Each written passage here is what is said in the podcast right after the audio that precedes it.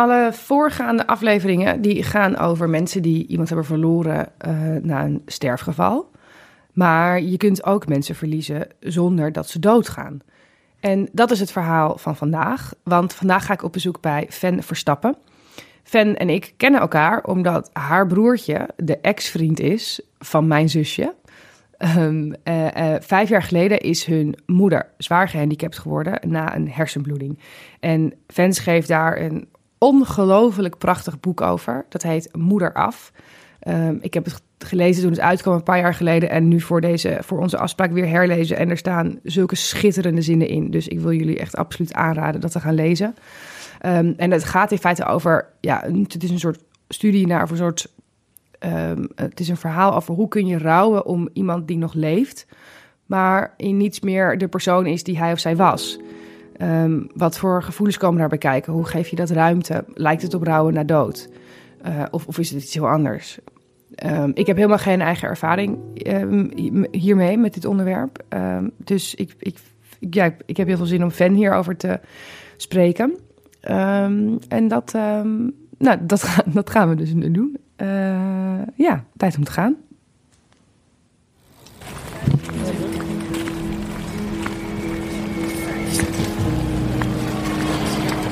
Gaan zitten. Hallo! Entree! heerlijk huis ook. Ja, dat is fijn. Ja, Ja. en die balken. Ik heb een uh, Bloemetje. Zal ik zeggen? Ik dacht dus, zal ik tools kopen om het hier een beetje gezellig uit te laten zien? Dat kwam er niet van, dus dan denk ik, dat doe ik wel voor je. Oké, waar ben je aan toe? Ik ga serieus drinken, want anders Ja, komt het niet meer heel goed. Cheers. Cheers. Wat fijn dat ik hier mag uh, komen bij je. Nee, heel gezellig.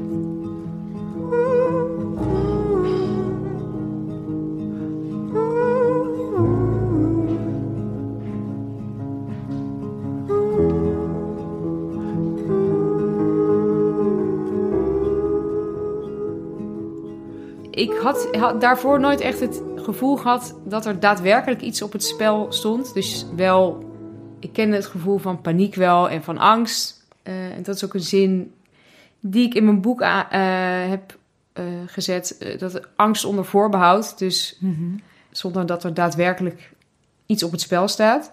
En ik weet nog dat ik thuis zat en ik zat en ik was zwanger van mijn tweede dochter. en ik zat tegen de verwarming en ik was een krant aan het lezen. Het was, ik voelde me zeer senang. Mm -hmm. en uh, de vader van mijn kindjes was ook thuis en mijn oudste dochter ook. Uh, en mijn zus belde, maar we hadden een soort sluimerend conflictje over. Um, ik weet eigenlijk dus niet eens meer waar het over ging. Zo uh, weinig van belang was dat. Maar in ieder geval, zoals je dat kunt doen bij familie, ik dacht gewoon, ik heb er even geen zin in, ik neem niet op. En ze bleef maar bellen en ze bleef maar bellen. Zo dwingend dat het me eigenlijk wel snel duidelijk was dat dit niet met dat conflict te maken had. En alles met iets dreigenders dan dat. Dus toen uh, nam ik op en toen zei ze: Ik heb net een telefoontje gehad. Het is niet goed met mama, we moeten nu naar Breda komen. Mm. En wat ik me nog herinner is dat, er een soort, dat je in een soort spagaat terechtkomt, omdat je meteen aanvoelt dat er iets dreigends staat te gebeuren. Dus je probeert uit alle macht grip te krijgen op wat je te incasseren hebt, maar dat kan nog helemaal niet. Want je kunt nog helemaal niet uh, omvatten wat de omvang is van wat er gebeurt of wat er te gebeuren staat. Nee, want wat wist je toen je onderweg was naar Breda? Wat was toen duidelijk van de situatie? Nou, heel weinig wat er duidelijk was, was dat ze een hersenbloeding had gehad. Ja.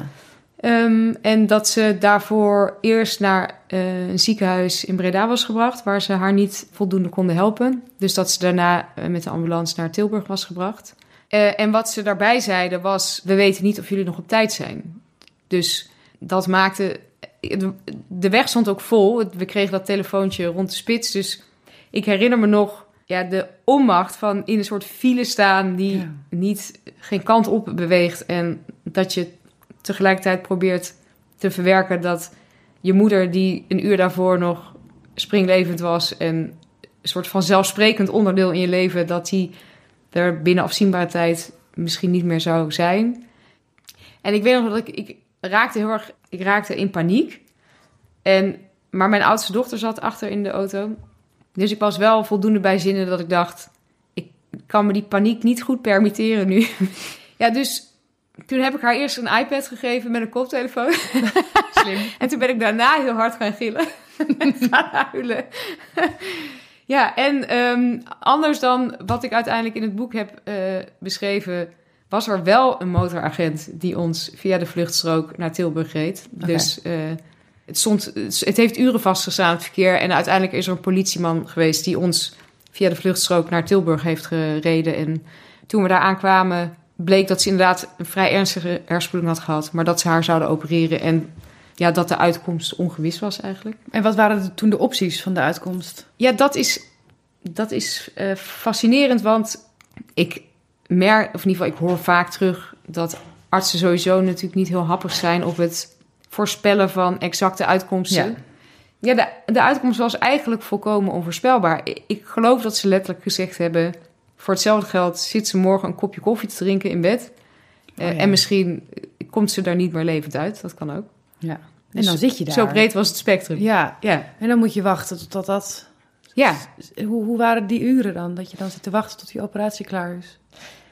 Ja, dat, wat me toen, die uren waren ongelooflijk intensief. En dat is naar mijn idee ook omdat, ja, omdat iedere vorm van routine wegvalt. Dus je probeert sowieso ook in het dagelijks leven, als er dingen gebeuren die kwetsend zijn of verdrietig, dan is er altijd een was die je op kunt vouwen of een vloer die je kunt stofzuigen. Dat zijn toevallig mijn grootste hobby's als ik me god voel. Maar een fles wijn biedt ook soelaas vaak.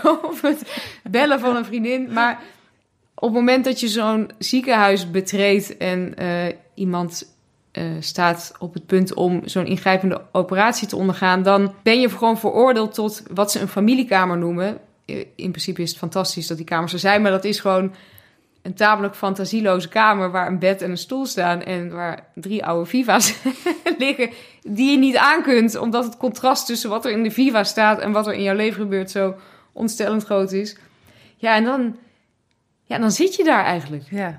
En, je kijkt elkaar aan met een soort immens ongemak en ook gêne, omdat de emoties zo groot zijn en omdat je eigenlijk niet heel gewend bent om die bij familie te etaleren. Mhm. Überhaupt niet om dat soort emoties te etaleren, denk ik. Ja, dus ja, en, de- en de kortste route die loopt dan denk ik naar humor toe. Mhm. Dus ik kan me herinneren dat we ook heel veel, heel veel plezier hebben gehad. Ook heel, heel veel verdriet en heel veel plezier. Ja, wat je brein ook doet om maar, ja, om maar opluchting, Ja. om maar opluchting te ervaren. ja. Dat herinner ik me nog goed, ja. En uiteindelijk kwam ze uit die operatie. Was toen al duidelijk welk scenario het ging worden? Of moest je daar dus nog steeds op wachten? Eh, ja, dat is. Dat vond ik interessant, omdat als je een soort ziekteverloop geschetst krijgt, ik kan me voorstellen dat dat ook zo is als mensen diagnose van kanker krijgen, dan lijkt het alsof het eindstadium, eh, het eindstadium of daar waar je op uitkomt met zo'n ziekte, alsof dat met één lijn verbonden is aan de diagnose. Maar zo'n ziekteverloop is zo grillig en eh, dat wat de uitkomst bepaalt is ook zo willekeurig eigenlijk. Ja. Dus ehm, mijn moeder had een eh sapbloeding. Dat is, als ik het goed heb, een hersenbloeding die tussen de hersenen en de schedel eh, plaatsvindt. En in principe kwam ze daar heel goed uit. Ze heeft de dag na de hersenbloeding zat ze ook rechtop en was ze aanspreekbaar. Eh, en ze herkende ook ons goed, dus dat eh, was hoopvol. Maar daarna trad er een complicatie op eh, en dat heet vaatspasme. En dat betekent dat er, doordat er zoveel bloed eh, zich rondom die hersenen bevindt, krampen die vaten eh ineen, of die trekken samen. Eh, en daardoor treedt er een zuurstoftekort op in de hersenen. En als er zuurstoftekort optreedt, dan sterven er natuurlijk hersencellen af. Dus de schade die ze uiteindelijk overgehouden heeft aan die hersenbloeding is te wijten, meer te wijten aan de, aan de complicatie na die hersenbloeding dan aan die hersenbloeding zelf. Eh, En daarna is er ook nog een, een hersenvliesontsteking geweest. Het was eigenlijk pech op pech op pech. Ja. Zoals dat gaat bij een ernstig ziekteverloop, denk ik. Ja. Ja, en ik kan me nog goed herinneren dat een van de eerste avonden, want we hadden het idee dat we uit loyaliteit moesten waken. Dus Ja. we wilden haar niet laten liggen in dat ziekenhuisbed zonder dat een van ons bij haar was. En een van ons is je broer en je zus, hè? Ja, ik of mijn broer, mijn zus. Ja. En ehm, dus er zat altijd iemand van ons bij haar aan bed. En sowieso waren we allemaal, we hebben alles dat in ons leven speelde, werk, vrienden, lieten we allemaal uit ons handen vallen om maar bij haar in de buurt te zijn in dat ziekenhuis in Tilburg. En toen we op week, ik denk vijf, vier of vijf waren, kwam er een eh, IC-verpleegkundige naar ons toe. En hij zei ook, ik denk dat jullie niet eh, beseffen hoe lang het traject is waar jullie nu ingaan met je moeder. Dus probeer je kracht een beetje te sparen en ga vanavond gewoon naar huis. Ga naar Amsterdam. Ga slapen en ga iets doen met je vrienden. Je kunt jezelf niet blijven uitputten in dienst van je moeder, want dat hou je uiteindelijk niet vol. Dat Goede opmerking. was een hele goede opmerking. Ja. Maar toen Ja. dacht ik, wat zeg jij? Ja. ja, ik kan me voorstellen dat je dat dan in ieder geval niet kan. Het, horen nee, het, het klonk een beetje alsof hij haar al eh, opgaf. Oh ja. Wat geen sinds het geval was. En eh, uiteindelijk hebben we ook eh, zijn advies ter harte genomen hoor. En dat Ja. bleek dus ook heel waardevol. Want het was uiteindelijk een proces dat jaren duurde voordat er Ja. wat rust eh, ontstond. Ja, want ik kan me voorstellen dat je, je, je rijdt daarheen Mhm. hè, in die eerste rit. En dan is er waarschijnlijk ook nog iets van, oh, gaat ze dit overleven? Hebben Ja. we, gaat het over leven en dood. Ja, Dan blijkt het, oké, duurt je leven. Dan is het, zit ze met dat kopje koffie in bed. De volgende ochtend komt ze er niet meer uit, wat die arts zei. En zo sla je steeds een afslag af Mhm. naar de situatie nu. Maar was er dan ergens een punt waarop je je realiseerde van... dit is wat er aan, aan de hand is. Ze gaat...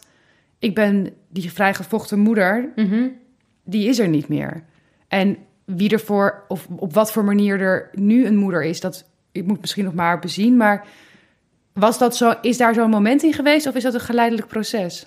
Ehm, nou, mijn, mijn broer is een grenzeloze optimist. Tegen de klippen op, zou ik zo zeggen. zou ik willen zeggen soms. Eh, en ik, ik, ik zit helemaal aan de andere kant van het spectrum. Ja. Eh, ik noem het zelf graag realiteitszin, maar het is ook ze- zeker een vorm van negativisme of eh zwartgalligheid. Dus ik weet nog dat, ehm, dat we, we hebben regelmatig gesprekken met artsen gehad. Maar ik kan me nog één gesprek heel goed herinneren, waarop de artsen zeiden: eh, Dit is het punt waarop wij vinden dat het niet heel verantwoord meer is om verder te behandelen. Dus dat leverde natuurlijk binnen het gezin hele ingewikkelde gesprekken op. En waar, en waar, welk punt was dat? Waar, na hoe lang? Of, Eh, dat was na een eh, aantal weken op de intensive care. oh, oh, helemaal in het begin dus. Ja, Oké, ja. het is natuurlijk grappig, want je denkt als individu met een particuliere relatie met de patiënt natuurlijk altijd dat degene van wie jij houdt, dat die de uitzondering op de regel gaat zijn. Of in ieder geval, ik kan me voorstellen dat dat in veel gevallen zo geldt. Maar dat, dat had ik niet. Het was voor me gewoon meteen duidelijk dat het heel ernstig was en dat de moeder zoals ik haar kende, dat, die, eh, dat ik die niet meer als zodanig zou terugzien. En mijn broer en mijn zus zijn daar wel veel ehm, optimistischer en ehm, vasthoudender in geweest. ja. Dat vind ik in zekere zin ook heel prettig. Dat was ook. Nou, uiteindelijk heeft dat iets goeds opgeleverd. Ja, ik kan me voorstellen dat jullie daar elkaar ook misschien een beetje in evenwicht hebben gehouden. Ja. eh, voor mij persoonlijk heeft het rouwproces denk ik een andere vorm gehad. Omdat, het voor mij, omdat ik al vrij snel dacht... oké, hier moeten we mee gaan dealen. Dat is afschuwelijk en bijna onmogelijk. Maar ik weet nu dat eh, de situatie zoals die was niet meer terugkomt. En ik denk dat dat voor mijn broer en mijn zus misschien lastiger is geweest... omdat die langer hebben vastgehouden aan iets dat, dat het weer moest zijn. Ja. Want hoe zou je de situatie nu omschrijven? Ehm, nou, uiteindelijk hebben we eh, ervoor gekozen om mijn moeder überhaupt niet in een verpleeginstelling te laten wonen. Mijn broertje woonde in een appartement dat geen drempels had en een extra slaapkamer. Dus we hadden besloten dat mijn moeder daar dan in kon met verpleging en verder met mantelzorg van ons. Dus ze leeft nu eh, in Amsterdam, waar we haar regelmatig zien. Ehm, ja, en ik vind het misschien ingewikkeld om daar allerlei details over te delen, omdat. ehm, Ja, waarom vind ik dat ingewikkeld? Ja, omdat ik... Ja, dat vind ik ingewikkeld. Nou ja, er zijn, er zijn heel veel dingen die ze niet meer kan. Zoals communiceren gaat moeizaam. Eh, en ook eh, fysiek zijn er een hoop belemmeringen. Eh, maar dat vuur, zeg maar, van vroeger, die, die weigering om je neer te leggen bij dingen die niet lukken of dingen die niet kunnen of dingen die, waar je het niet mee eens bent, nou, dat zit er nog, dat zit er Ja, nog heel erg in. ja. en eigenlijk is dat veel meer dan wat die artsen in eerste instantie hadden verwacht. Ja. Toch? Ja. Ja, absoluut. Ja, dat is ook, ehm, dat vind ik ook wel belangrijk om steeds maar weer te benadrukken, ook als mensen haar ontmoeten.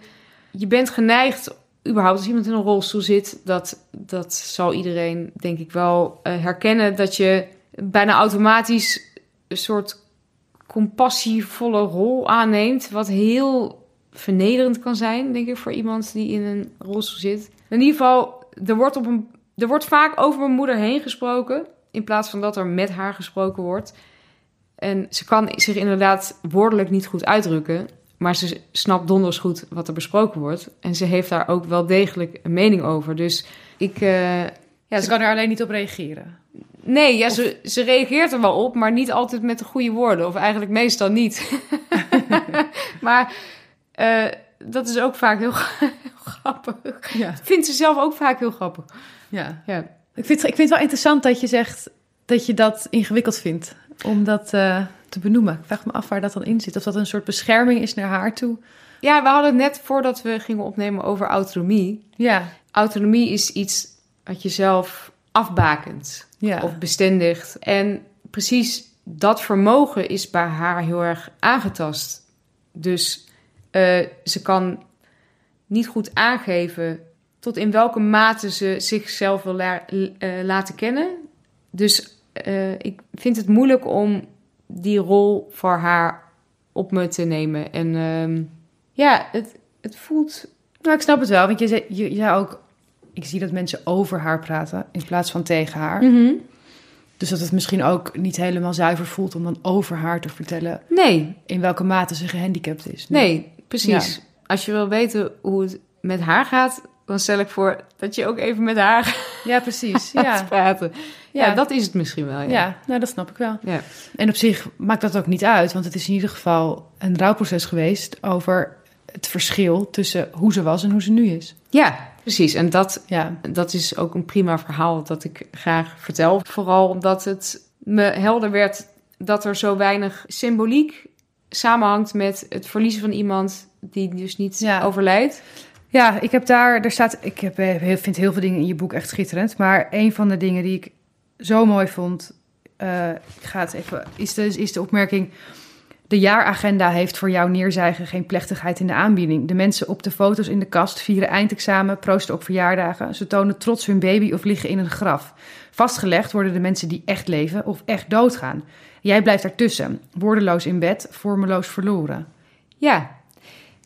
Ja, dat vormloos betekent inderdaad dat er weinig eh, voorhanden is om kenbaar te maken, ook aan je omgeving, dat er iets verloren is gegaan. Dus Ja. bijvoorbeeld op 12 januari was de dag van die hersenbloeding. Voor mij is dat een, toch, geldt dat toch een soort sterfdatum. Ja. Niet, niet van mijn moeder überhaupt, maar wel van de moeder die ik kende. Maar wij laten elkaar... Nou, toevallig was het dit jaar, vijf jaar geleden... dus heb ik mijn broer en mijn zus een appje gestuurd. Maar in bredere zin geldt die datum niet eh, als iets bijzonders voor de mensen om me heen. Nee, want het- je hebt er inderdaad geen woord voor. Nee. De hersenbloeddag. Ja. Maar ja. Ja. Hè? Bij deze zou Ja. ik dat graag willen beslissen. Ja, maar ik, ik, ik vond dat zo mooi. Want dat is iets waar, waar ik in ieder geval nooit over na had gedacht. En ik oh ja, dat is waar. Daar hebben we inderdaad helemaal geen terminologie voor en geen, geen handvatten. Nee. Nee, en Wat, en, en je zegt, nu was het vijf jaar, dus heb ik mijn broer en zus een appje gestuurd.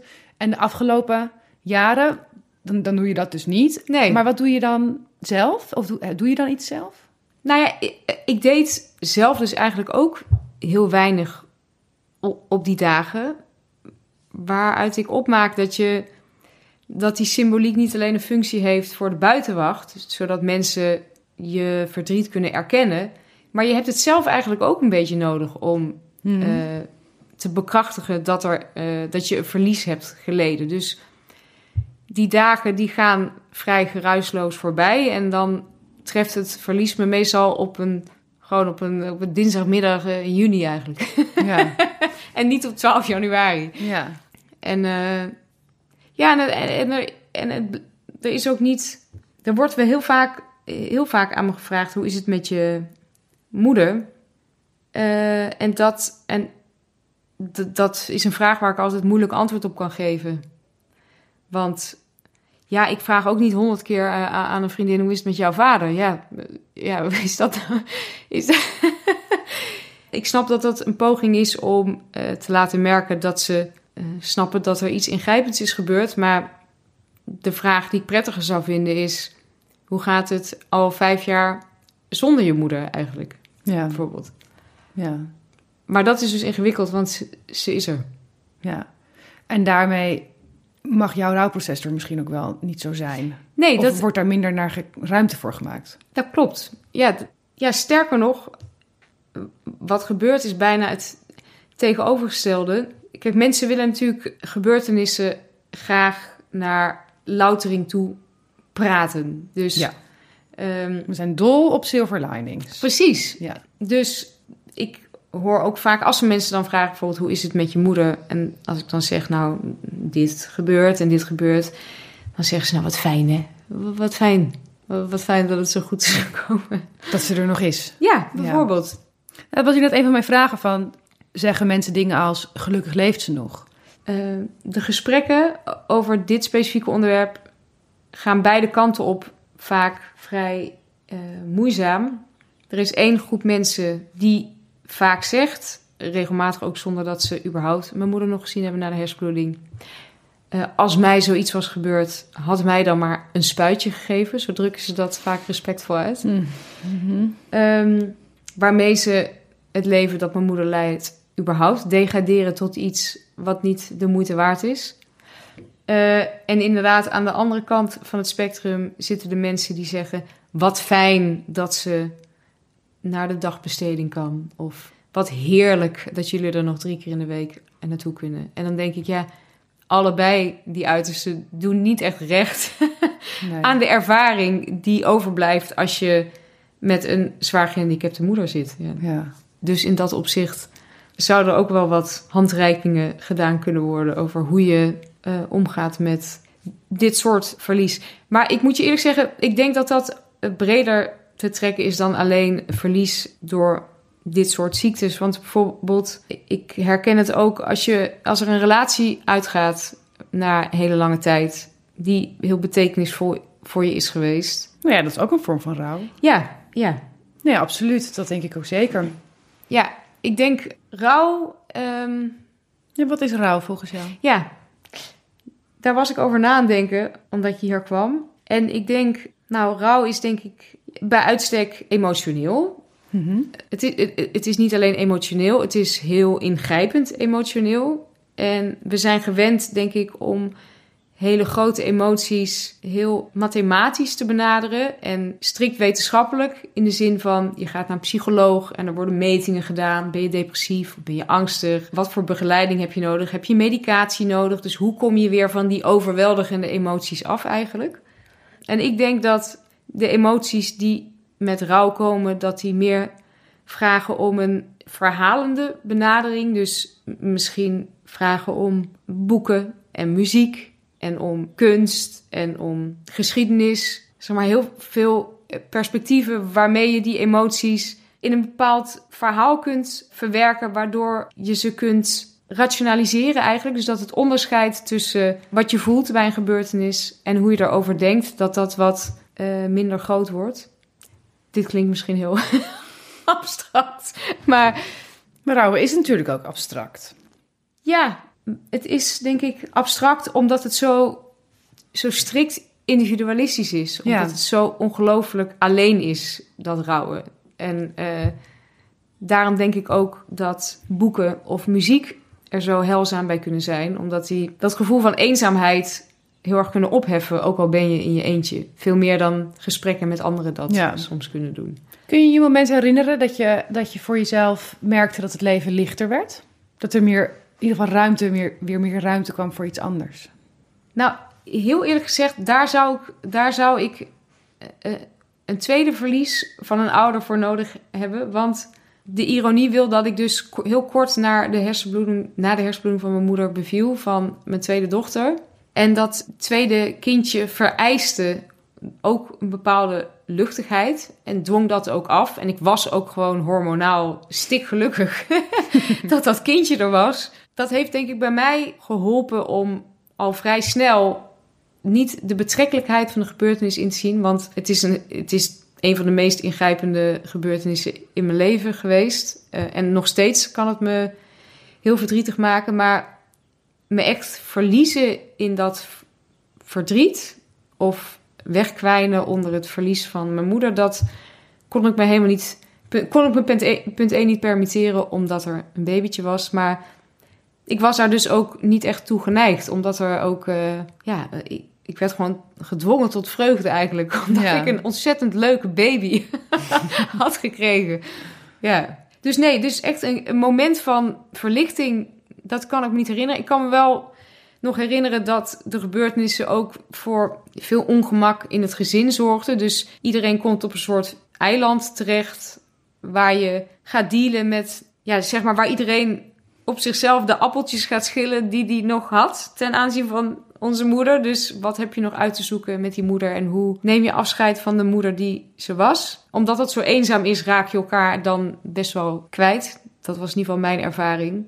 En dat vond ik heel bedreigend, want eh, je hebt eigenlijk je broer en je zus harder nodig dan ooit natuurlijk als je een ouder verliest. Dus ik vond dat spannend en iedereen was ook heel emotioneel. Dus de vlam sloeg ook nog wel eens in de pan. En ik kan me wel nog heel goed herinneren waarop het moment waarop dat wat luchtiger werd. En waarop ik dacht, nou, volgens mij hebben we inderdaad intense emoties ervaren samen. En hebben we het ook flink met elkaar aan de stok gehad soms. Maar eh, we zijn er wel weer. En, weet je, en, en wanneer was dat? Ja, ik denk dat dat het moment was dat we besloten hadden om eh, onze moeder naar eh, Amsterdam te halen.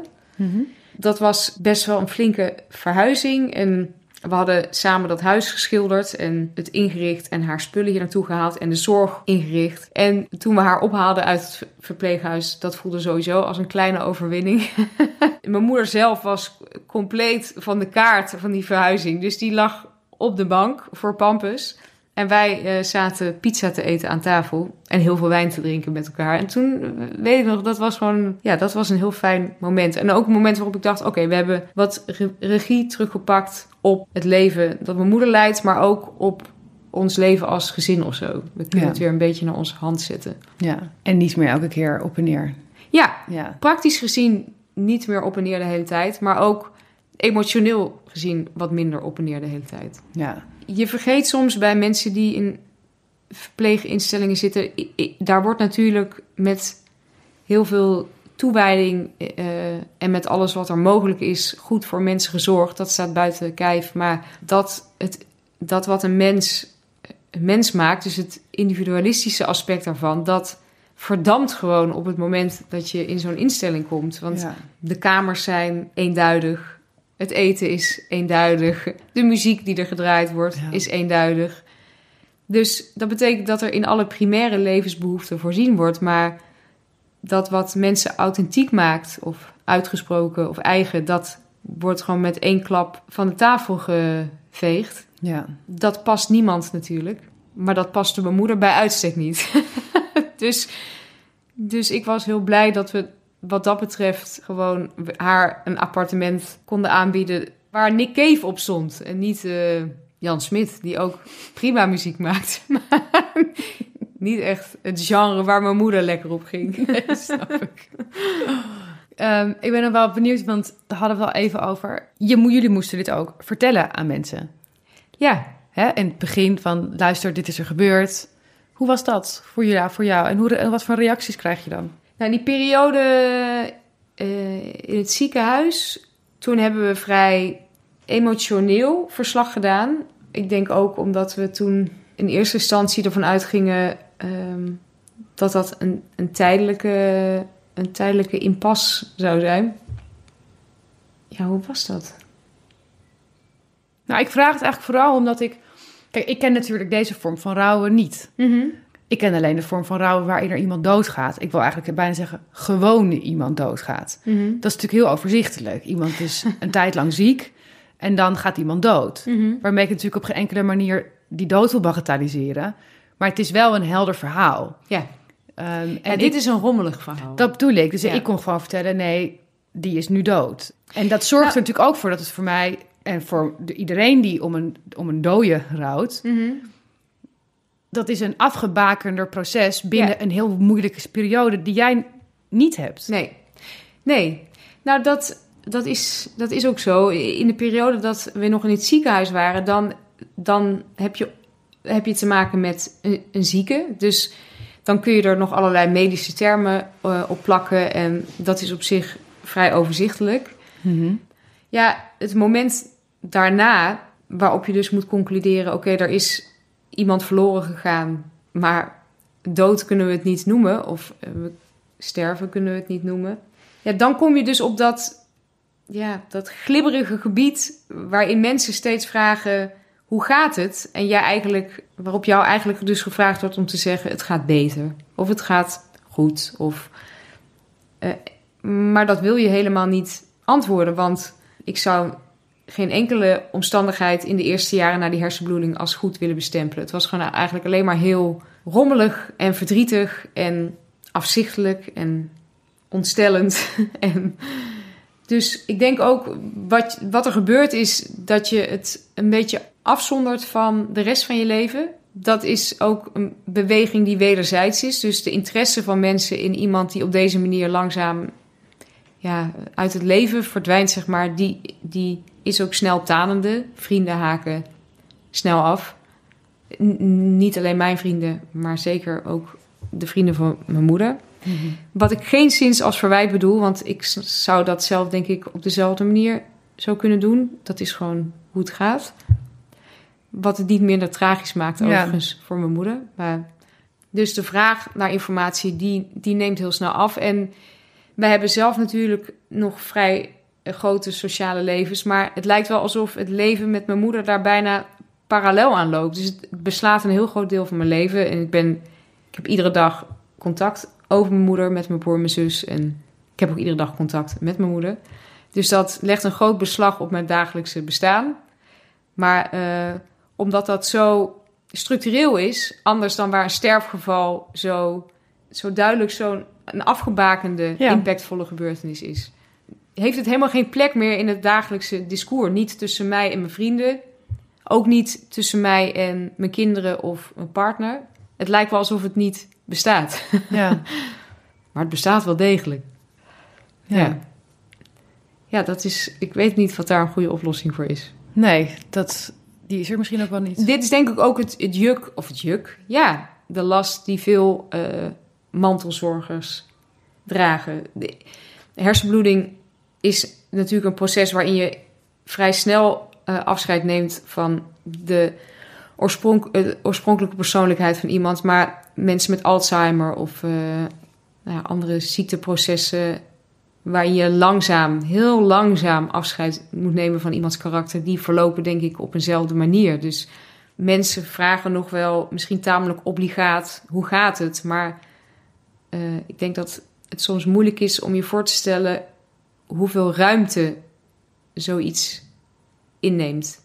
Veel meer ruimte dan, nee, ik wilde zeggen veel meer ruimte dan een graf, maar dat is fucking ongepast in de eerste plaats. Nou, ik weet niet of ik het ongepast vind, want, want als ik het... Ik, ik, nou, nee, ongepast is het sowieso niet, want dat, dat, is het, dat is het niet. Maar ik denk dat ik het ook wel begrijp, want als ik nu dit laatste antwoord hoor, dan denk ik... oh ja, die vraag van mij van, kun je herinneren wanneer het lichter werd? Dat is typisch een vraag die... Alsof dat aan te wijzen Ja. moet zijn, maar dat is er eigenlijk niet echt. Nee, maar bij, bij, bij mij en bij een paar mensen in, mijn vorige, in de vorige eh, afleveringen... en ook gewoon andere gesprekken die ik over rouw heb gevoerd... die rouwen over iemand die eh, doodging... Mhm. is dat moment er vaak wel. Is er vaak toch een moment waarin je besluit, of niet besluit, maar waarin je voelt van oké, ja, ik heb net eh, eh, een x aantal tijd, of dat nou maanden of jaren zijn, heel heftig gerouwd, waarin het echt de hele dag me consumeerde. Maar op een gegeven moment wordt dat lichter en, en kun je toch weer door. En ik ben nog steeds met Renate en mijn moeder bezig, maar niet meer op dezelfde manier. Maar als ik nu jouw verhaal zo hoor, dan denk ik, oh, maar misschien is dat dus wel een heel groot verschil tussen rouwen om iemand die leeft, maar ook weer niet. Dat rouwen, dat stopt helemaal niet. Nee, eh, nee, dat stopt waarschijnlijk op het moment dat, dat mijn moeder overlijdt. Ja, Want ik denk, rouw is denk ik tweeledig. Dus je rouwt om je eigen verlies en je rouwt om het lijden van de ander. En dat rouwen om mijn eigen verlies, dat heb ik denk ik wel gehad. Niet dat ik eh, denk dat ik helemaal kan eh, omvatten of begrijpen wat het is om een ouder, eh, als een ouder sterft. Dat kan ik nog niet helemaal, daar heb ik mijn hoofd nog niet omheen.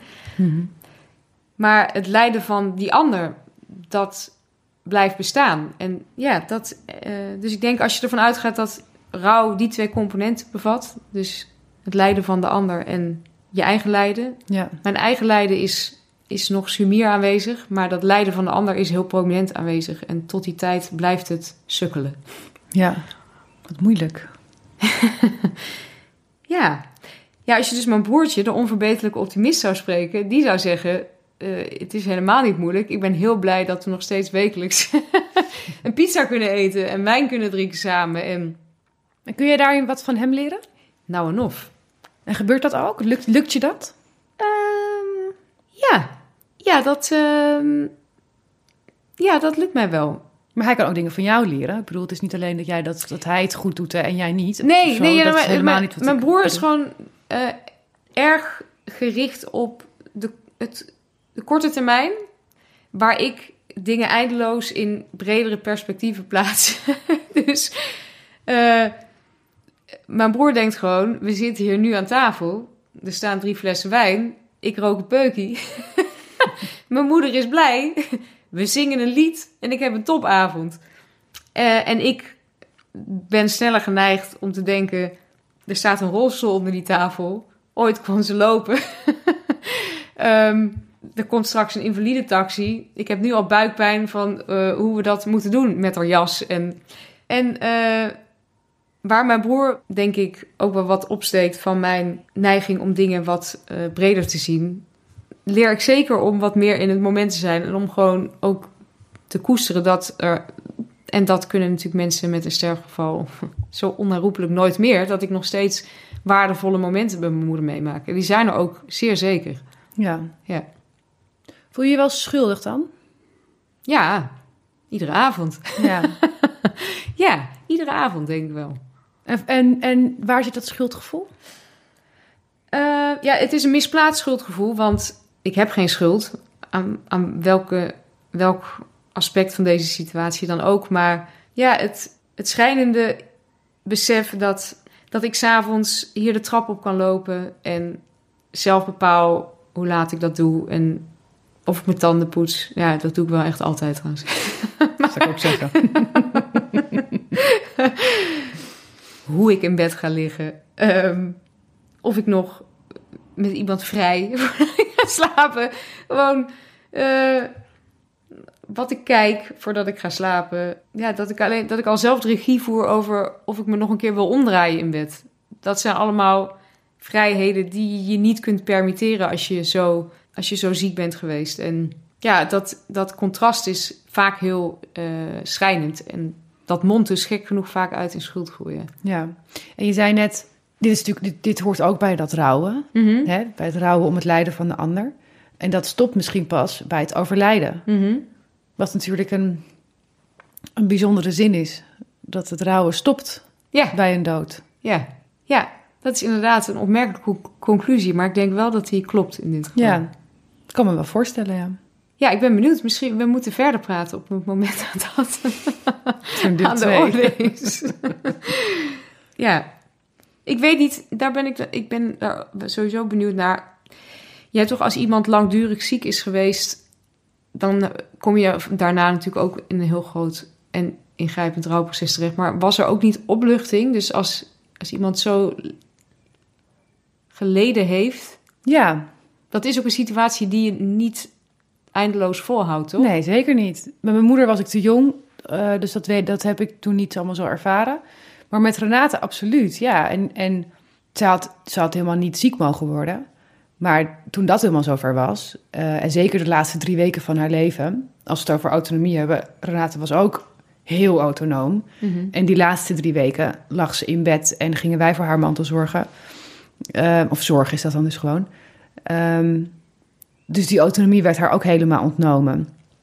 En toen werd ze steeds echt steeds zieker, zieker, zieker. En bij die laatste paar dagen, dan denk je ook, ja, nou ja, dit niet. Dus Laat het, laat Laat- het over zijn, laat, alsjeblieft. dit, laat dit over zijn, want dat willen we niet meer. En wat ik wel bijzonder vond, was dat toen ze helemaal dood was, ze, is, ze, is- ze heeft palliatieve sedatie gedaan. Dus dan krijg je een, een, een combinatie van dormicum en morfine, morfine in die periode van tussen het toedienen van die, van die cocktail en het overlijden. Zit, zit soms dagen, in haar geval twee dagen. En dan komt er heel veel vechtlust omhoog, want dan gaat die ziel die zegt... Mooi No, niet. Ja, en zeker niet bij iemand zoals zij. Maar toen ze helemaal dood was, toen was ze weer Renate. Toen dacht ik, hé, hey, daar ligt ze. Ja. Die, die ken ik. Ja. Want dan is ze niet meer ziek en heeft ze helemaal geen pijn en had ze, was dat er allemaal niet. Nee. Ja, ik vind... Ik, ik moet je zeggen, ik heb bij, dus bij mijn moeder... We zijn twee keer ehm, naar het ziekenhuis gebeld om afscheid te nemen van mijn moeder. Nou, ging, zij ging gewoon niet dood. Ze is zo'n soort... ja, een soort loden gestel. Ja, die is niet omver te werpen, zo eh, stevig. Ik ervoer ook wel heel veel ontzag bij dat verzet. Het zien van dat verzet. Ja. Doodgaan is heel moeilijk. Dat blijkt. Het is heel moeilijk om, om los te laten. En ik geloof niet heel erg in, in dingen die ik niet zie. Maar is er, er is echt he- iets heel groots tussen, tussen leven en tussen dood. Daar zit echt nog een, een fase tussen. En hoe, hoe noem je dat? Weet ik niet. Ik weet dat Renate het had over... Ik ben zo bang... Want ze was hier bang voor. Ze was bang voor zo'n delier. Voor zo'n... En ze zei, ik ben zo bang dat ik het gaatje in de muur niet kan vinden. Mijn moeder is, eh, eh, heeft euthanasie laten doen. Dat lijkt me heel prettig. Als in, als je weet dat het echt nergens meer heen gaat... en als het echt helemaal klaar is, een, een, een prikje... En, en het is binnen een paar minuten gedaan... en je ligt in de armen van wie je wil. Of, hè, dus Was je daarbij? nee, nee, ik was toen tien. Mijn vader was erbij. Ze lag in zijn armen. Ja. Want hoe, hoe zou jij dat noemen dan? Trouwens, jij noemt het ergens in je boek. Je noemt het de wachtkamer tussen leven en dood, Ja, volgens mij. ja, ja. Maar dan, dan, dan beschrijf je het mooier. ja, maar de wachtkamer klinkt als een plek waar, het heel, waar je gewoon stil zit op een stoel... en waar verder geen onvertogen woord valt. Dus dat lijkt me niet eh, heel treffend in dit geval. Dat is misschien ook zo ontluisterend aan zo ziek zijn... is dat je als mens zo overgeleverd raakt aan dat lichaam... waar we Ja. dat verstand zo cultiveren en zo koppelen aan identiteit, raak je dat dus helemaal kwijt, omdat er op een gegeven moment alleen nog maar dat lichamelijke is. Het, en, het sterven dus. Ja, dat is toch de geest die het aflegt tegen dat lichaam. Ja, ja dat, daar zit inderdaad een onderscheid in. Die ziel, die heeft natuurlijk niet een... Die wil, Die wil nog ja, wel. die, die, die kan niet zonder dat lichaam, maar Ja. die denkt, wat flik Ja. je me nou Ja, dat onderscheid, dat, dat is er absoluut. En als het lichaam is afgestorven, als dat niet meer verder gaat... dan is die ziel daar echt nog niet klaar mee. Nee, nee, dat is... En die moeten toch, in het geval van een sterfgeval, moeten die met z'n tweeën door dat gaatje. En dat, is een, dat, is, dat, is een, dat kan een gevecht zijn. Maar kan jij je voorstellen, want eh, ik, eh, ik vond de confrontatie met... Kijk, als je moeder eh, zo een hersenbloeding krijgt en gehandicapt raakt...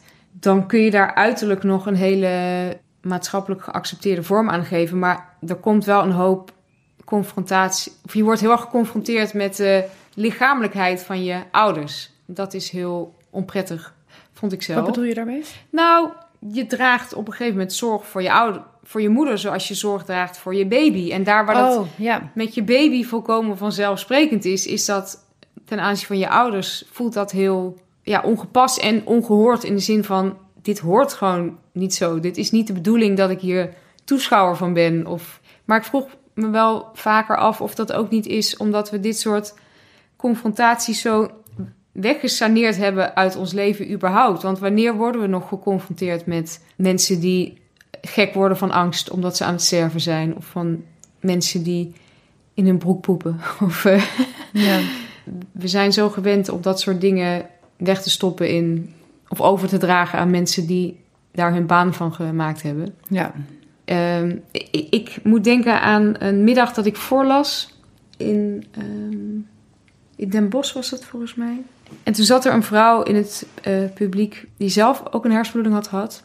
Die was er bij lange na niet zo slecht uitgekomen als mijn, mijn moeder. Maar zij stond verontwaardigd op en ze zei, ik heb je boek gelezen. En het maakt me heel boos dat je je boek moeder af noemt. Alsof je na zo'n gebeurtenis niet meer een volwaardige moeder bent. En ik sprong toen heel erg in de verdediging, geloof ik. Eh, maar zo eenduidig als zij het interpreteerde, zo bedoel ik de eh, titel van het boek ook helemaal niet. Het is juist, dit boek is ook meer een studie naar in hoeverre iemand je moeder blijft als er zoveel wegvalt van wat iemand in oorsprong is geweest. En als je het dan over rouwen hebt, ik heb voor een heel groot deel afscheid genomen van wie mijn moeder was. Eh, en er blijft een heel groot pakket aan zorgen en verdriet en medelijden om haar leven. Dat blijft bestaan. En dat wordt opgeheven op het moment dat mijn moeder ooit zelf zou overlijden. Of er dan nog een staartje rouw overblijft om wie ze was. En dus ook om wie ze nu is. Om dat wat er nog over is van mijn moeder. Dat, daar ben ik eigenlijk heel benieuwd naar. Ja. En denk je dat dat rouwen om haar lijden op een, ook al tijdens haar leven voor jou verlicht zou kunnen worden? Denk je dat je een manier zou kunnen vinden om het jezelf ook minder kwalijk te nemen, dat jij wel nog de trap op kan lopen? Nou, wat, wat me. Ik denk, je hebt. Ik heb, ik heb dus twee dochters. En ik heb twee ouders. Eh, en op, op dit moment heb ik een bepaalde zorgplicht naar allebei mijn ouders. En ik heb natuurlijk die zorgplicht en ook meer dan dat zorgbehoefte naar mijn kinderen toe. Eh, die zorgen voor mijn kinderen, die zijn natuurlijk en vanzelfsprekend. En die zorgen voor mijn ouders, die moeten uit de reservetijd komen. Dat is, zo, dat is mijn stellige overtuiging. Mijn primaire zorg ligt bij mijn kinderen. En daar waar tijd overschiet, daar heb ik ruimte voor mijn ouders. En dat, dat is eh, ook wat ik in therapie heb moeten leren. Dat je. Ik kan niet. Ik, ben tot op zekere hoogte natuurlijk verantwoordelijk voor het welzijn van mijn ouders. Maar niet onuitputtelijk en niet grenzeloos. Dus ik kan dat schuldgevoel ook wel vaak weer wegzetten als ik denk, ja, ik kan nou nog een uur wakker liggen in mijn bed. Dan ben ik morgen chagrijnige moeder. Eh, daar heeft niemand wat aan. Ja, de grootste lastpakken van ouders zijn natuurlijk ouders die, ja, die op een gegeven moment een wat schrijnend leven leiden. Want dat doet pijn en dat wil je opheffen. Maar dat eh, je, ik, ik geloof niet dat het dat welke ouder dan ook de wens heeft om die ruimte in te nemen in het leven van zijn of haar kinderen. Dat zou ik in ieder geval nooit hebben bij mijn eigen kinderen. En ik geloof ook zeker dat mijn ouders dat bij mij en mijn broer en mijn zus niet zouden willen. Dus dat helpt het wel om, dat helpt wel om het gevoel regelmatig te parkeren. Ja. En mijn moeder is soms ook gewoon heel lastig. Dus dan denk ik ook, dan denk ik daar even aan terug. Dan denk ik, oh, je bent ook soms gewoon nog heel irritant.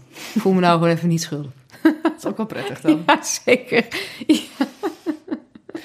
Hoe, eh, hoe, eh, hoe praat je over haar in een, ehm, op een anekdotische manier? Als in, is het nog, vertel je wel eens gewoon casual, oh ja, toen mijn moeder deed zus en zo? Of, of gebeurt dat minder vaak omdat ze nu zo'n grote rol speelt op een andere manier in je leven? Ehm, En dan bedoel ik dus van anekdotes voor de hersenbloeding. nee, wel bij, bij mijn broer en mijn zus. Eh, en bij mijn schoonbroer en bij mijn ex-man. Omdat we met elkaar die geschiedenis delen met mijn moeder. En ook met broers en mijn zussen van mijn moeder. Ik heb nog intensief contact met een, eh, een zus van mijn moeder. En ik had toevallig, ik bedoel, ik, ben nog lang niet in de overgang. maar ik had er laatst wel een vraag over. Toen dacht ik, shit, ja, dat, dat kan ik er gewoon niet goed meer vragen. Dus toen belde ik de zus van mijn moeder. En die, eh, die kon, die kon rijkelijk putten uit haar eigen ervaringen met de overgang, maar gelukkig ook uit die van mijn moeder. Dus, ehm, ja, dus soms als ik merk, ja, dat zul jij misschien ook herkennen, dat je bepaal, ja, dat je gewoon informatie nodig hebt over hoe werkte dit bij mijn moeder, dan, ehm, dan praten we wel veel over, eh, over haar. En ook, het, eh, ik ben niet heel lang geleden, zijn de vader van mijn kinderen en ik zijn uit elkaar gegaan. Mijn ouders waren ook niet meer samen. Eh, dat maakte dat ik ook op een hele andere manier kon reflecteren op hun scheiding. Omdat ik dacht, ja, potverdorie, het is ook hartstikke moeilijk om uit elkaar te gaan. En zeker om dat op een voor iedereen prettige manier te doen. Dus toen ra- eh, heb ik ook wel weer heel veel informatie gezocht bij eh, familie van mijn moeder. Om te kijken wat er nu eigenlijk precies tussen mijn ouders was gebeurd. Ja, dus anekdotisch over mijn moeder praten gebeurt wel met de mensen die haar ooit gekend hebben. Maar alle mensen die daarna ingestapt zijn, daar... eh, Nee, ik laat wel vaak foto's zien. Dat ik gewoon denk, ja, je moet wel weten waar ik vandaan kom. Ja. En daar hoort mijn moeder natuurlijk sowieso bij. Nee, maar, maar ze wordt door, door nieuwe vrienden niet, niet echt meer gekend. En dat vind ik ook heel jammer. Want ja, hoeveel, hoeveel frictie eh, er soms ook kan zijn binnen je gezin van afkomst. Ik denk dat dat wel een universeel gegeven is. Het is toch, ja, je, je noemde het woord net al, het is, dat is toch je fundament. En ik heb toch het idee dat ik minder goed gekend kan worden door mensen als ze dat deel van mijn leven niet hebben meegekregen. Hmm. En eh, anekdotisch zijn is denk ik samen terugblikken op een gedeelde geschiedenis of niet meer samen terugblikken op een gedeelde geschiedenis. Maar met mijn moeder schipper ik nog altijd een beetje daartussenin. ja. En omdat het inderdaad geen onderwerp van gesprek is in veel situaties, lijkt het wel alsof het hele leven met mijn moeder een beetje losgeweten is van Ja. het leven dat ik nu leid. Want zou je willen dat daar meer overlap tussen zit? Ehm, ja, dat zou ik wel willen. Maar dan is het wel. Kijk, Tijn neemt haar heel vaak mee naar de kroeg bijvoorbeeld. En hij gaat daar ook. Mijn moeder heeft een bad. En er staat altijd een fles limoncello. dus, dus mijn broer die gaat daar gewoon drie keer per week heen. Dan gaat hij hier een uur in bad liggen. En daarna gaat hij met mijn moeder limoncello drinken. Totdat hij zelf starnakel is. En dan gaat hij gewoon intens gelukkig naar huis. Dus hij heeft, denk ik, een goede routine gevonden om mijn moeder te integreren in zijn dagelijks leven. En eh, misschien omdat ik. Nee, wat een fucking zaad antwoord. Nee, zou ik dat willen? Ik weet het eigenlijk niet. Nee. Ik weet het niet. Nou, wat wel grappig is, mijn moeder belt me dus heel vaak. Dagelijks. en dat, eh, eh, ja, dat doet ze op de momenten dat het haar goed uitkomt. Dat is niet altijd het moment waarop het mij goed uitkomt. Dus ze belt ook heel vaak als ik dus aan het werk ben. Nu is dat thuis, maar dat was tot voor een jaar ook gewoon op heel veel andere plekken. En, eh, of als ik bij een vriendin aan het eten ben. Of met kindjes ben. En ik neem eigenlijk bijna altijd op. En dan, ehm, dan, dan valt het heel prettig samen. Dus dan kan ze daar gewoon zijn op de manier zoals ze zich aandient. En dan is het voor iedereen ook heel vanzelfsprekend dat ze er is. Ook een stom antwoord, sorry. Ik kom Nee, dat ik uit. helemaal niet zo'n stom antwoord. Want inderdaad, dan zie ik wel voor me hoe je in een supermarkt staat te hannessen. Ja, Met kinderen, boodschappen, een tas. ja. En dan je En je moeder, moeder. op FaceTime, Ja. die gewoon daar dan bij is. ja, precies. Ja, Ja. ja, zo vormt ze zeer zeker nog een onderdeel in mijn leven. ja, ja. Wanneer raak je iemand kwijt? Dus ja. dat hangt niet per se samen met het moment dat iemand overlijdt. Nee, precies. Ja. Ik rouw, als iemand doodgaat, dan rouw je om, om de relatie die je met die persoon had. En om, om de mens die diegene was. En Mhm. in die zin is het precies hetzelfde als rouwen om iemand die een hersenbloeding had. Mhm. Ja, ja, ja ik, ik denk dus dat, dat het dus een dubbel, die dubbele lading heeft. Ja. Dus je rouwt om inderdaad eh, door, de doorgeknipte relatie. Het feit dat je... En dat is jouw eigen moet- leed. Ja, dat is Ja. jouw leed. En je rouwt om het leed van die ander. Ja, Eh, maar je neemt inderdaad afscheid van de relatie die je met iemand hebt. En die bestaat natuurlijk uit heel veel verschillende soorten. Of zo'n relatie heeft natuurlijk betekenis op heel veel verschillende manieren. Ja, En dat is ook wel, als dus iemand een hersenbloeding krijgt, dan moet je gewoon ook onderzoeken op welke manier je die relatie opnieuw invulling kunt geven. Want daar zijn zeker middelen toe of manieren toe. Het is alleen soms wat harder zoeken. je moet een nieuwe vorm vinden. Bedoel Ja. je? ja. Ja, ik kon heel goed met mijn moeder praten. Zagen, zeg maar. Ze kon goed zagen. Dingen uitdiepen. Dat kan nu natuurlijk niet meer.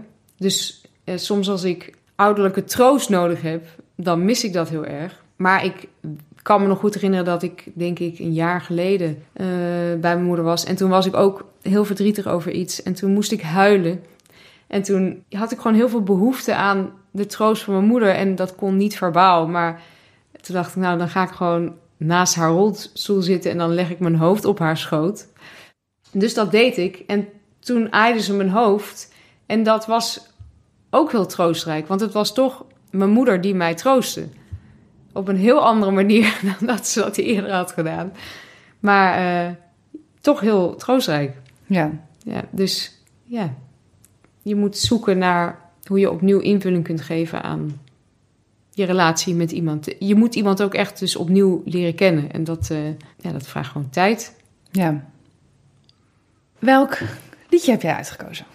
Ik heb eh, een nummer uitgekozen van de soundtrack van Gaggio Dilo. Dat is een film. Een van de lievelingsfilms van mijn moeder. Die gaat eh, over een eh, jongen die strandt bij een zigeunerfamilie. En eh, heel verliefd wordt op een meisje. Ze beleven een romance. En dat doet me sowieso... Dat, ik heb daar hele prettige herinneringen aan. Omdat mijn moeder ook een soort levensstijl nastreefde... waarbij iedereen welkom was. En er was altijd eten en veel eten. En er was, werd ook uitbundig gegeten en uitbundig gedronken. En er werd altijd heel veel muziek gemaakt. Feestjes waren grenzeloos en zonder eind ook dus eh, die film roept eh, associaties op bij de jeugd die ik eh, bij mijn moeder heb gehad. En, en ook het gevoel voor esthetiek waar ze ons mee op wilde voeden. We mochten, we mochten geen RTL 4 kijken. Eh, maar dit soort films, die, ja, die werden bijna met dwang voorgeschoteld. en ik vond het vroeger natuurlijk, natuurlijk niks. Want ik wilde ook gewoon Telekids kijken. Maar hoe ouder ik werd, hoe meer ik het kon waarderen. Dus ik heb later ook nog heel veel filmfestivals in Rotterdam met haar bezocht. Ze heeft me echt op, opgevoed als het om eh, muziek en film gaat. En dit liedje... Ik, ik, moet, ik ben in conclave ook gegaan bij mijn broer en mijn zus... om te kijken. Ik had een soort selectie van liedjes gemaakt. En ik was heel benieuwd waar zij op uitkwamen. Maar we waren het er unaniem over eens... dat deze gierende zigeunerstem... waar de tenen bijna van krullen... eh, maar die ook eh, hartverscheurend is... en eh, door merg en been gaat... dat die bij uitstek het leven van mijn moeder typeert.